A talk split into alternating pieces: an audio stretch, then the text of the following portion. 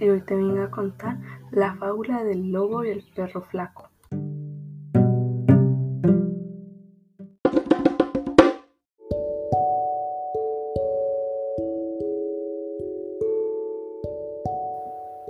Hace mucho, por la avaricia de un viejo ascendido, un perro cuidaba el rebaño de dicho lugar, pero estaba muy desnutrido y escuálido.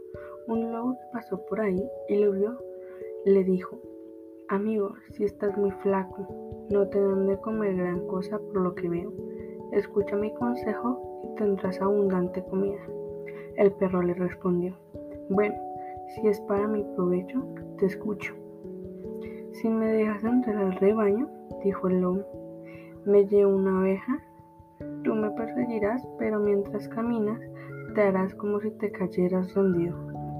Los pastores te verán y le dirán a tu amo que te caíste porque estás muy flaco y harán que te den mucha más comida para que te recuperes. El perro aceptó y tras lo acordado, el plan funcionó.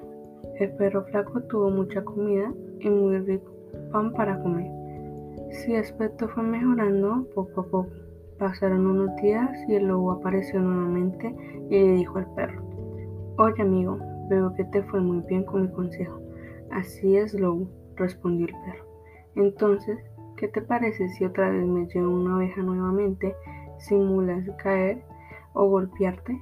Con eso estoy seguro que dirán que aún sigues flaco y te darán más comida. El perro aceptó nuevamente y tras intentar otra vez juntos dicho plan, el perro nuevamente ganó muchos alimentos poniéndolo en mejor forma. Pasaron unos días. El lobo regresó nuevamente y le dijo al perro, Hola nuevamente, amigo perro. Veo que estás muy buena forma y con mejor brillo. Seguimos el plan y me llevo otra abeja. ¿Qué dices? De ninguna manera, dijo el perro en tono molesto, mostrando sus dientes. Ese trato se acabó. El lobo insistió. Oh, vamos, compadre, no te molestes, es que tengo mucha hambre. ¿Cómo? Pobre, satisfacerla. Bueno, en la casa de mi amo, dijo el perro, se cayó un muro que pertenecía al almacén de comida. Si vas de noche encontrarás ricos manjares con mucha carne, pan, riquísimo tocino y exquisitos vinos. El lobo, muy interesado en lo que dijo el perro, esperó impacientemente la noche.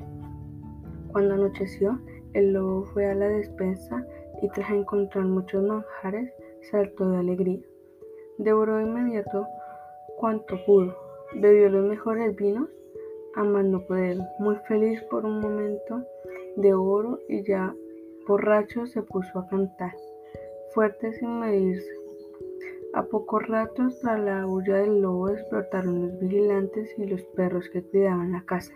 Cuando llegaron al almacén, vieron todo el desastre y descubrieron que el intruso, haciendo de la suya, lo castigaron de inmediato sin piedad.